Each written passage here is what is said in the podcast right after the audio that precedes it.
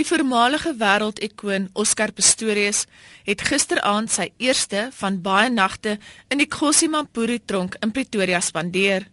Hy is tronk toegeneem kort nadat regter Tokozeli Masipa hom gefonnis het. Sy oom Arnold het buite die hof gesê die afgelope 20 maande was 'n moeilike tyd vir almal wat by die saak betrokke was. Hierdie was 'n ongelooflike moeilike en pynlike proses vir ons almal. Die Steenkamp familie, ons familie en vir Oscar. Dit is 'n baie moeilike 20 maande wat ons agter die rug het. Ons is almal emosioneel uitgeput. Die hof het Oscar nou gefonnis en ons berus daarbey. Oscar sal die geleentheid aangryp om verantwoording te doen vir sy dade en terug te ploeg in die gemeenskap. Laastens wil ek graag iets persoonlik sê as oom. Ek hoop Oscar sal nou sy eie proses van genesing kan begin. As familie sal ons Oscar bystaan. Baie dankie.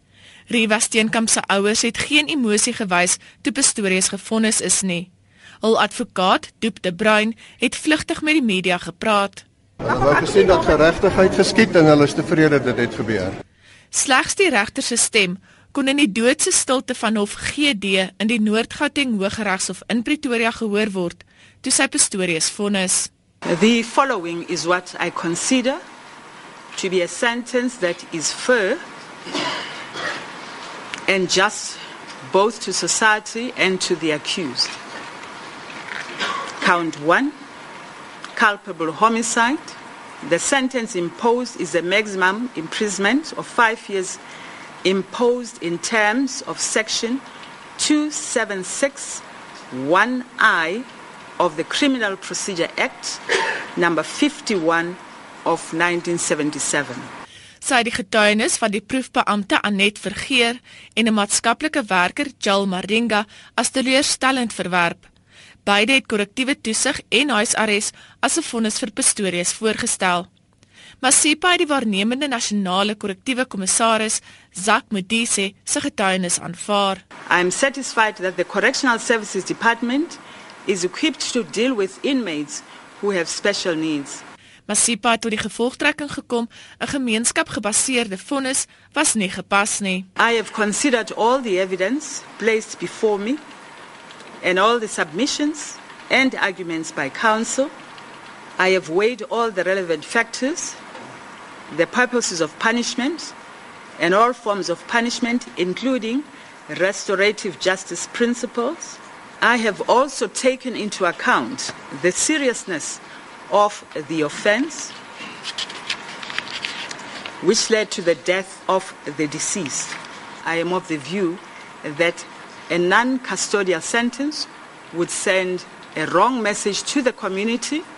On the other hand, a long sentence would also not be appropriate, either as it would lack the element of mercy.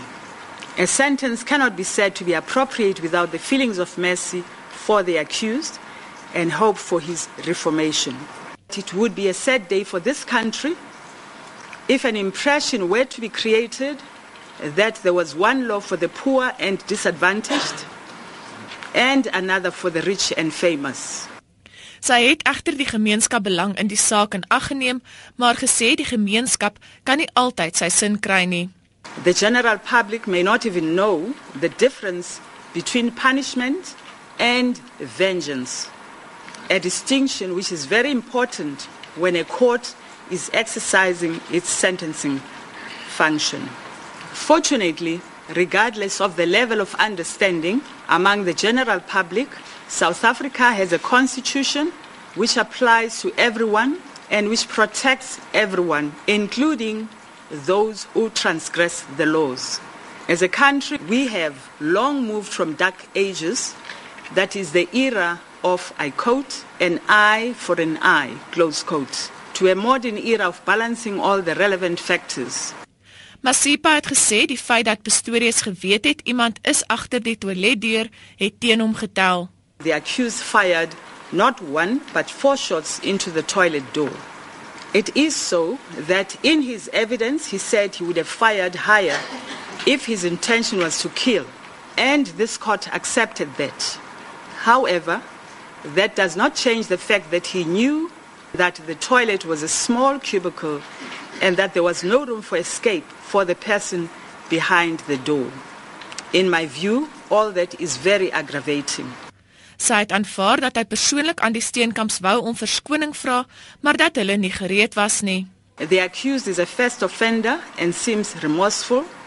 Although counsel for the state suggested that the accused apology to the parents of the deceased may not have been genuine as it was made in open court, this court accepts the evidence that the accused had earlier attempted to apologize privately to the deceased parents, but they were not ready, so the attempt failed. This court accepts as a mitigating factor the conduct of the accused after the incident which indicated that the accused wanted the deceased to leave. Masipa het gesê sy hoop die vonnis bring berusting vir almal wat by die saak betrokke was. The loss of life cannot be reversed. Nothing I say or do today can reverse what happened on 14 February 2014 to the deceased and to her family. Hopefully this judgment on sentence shall provide some sort of closure for the family and for all concerned so that they can move on with their lives. Roxanne McKenzie vir die verdediging verduidelik hoekom Pistorius nie al 5 jaar agter tralies gaan sit nie. With section 2761I it means that you're going to sit a sixth of the period of the sentence and then you'll go out on house arrest.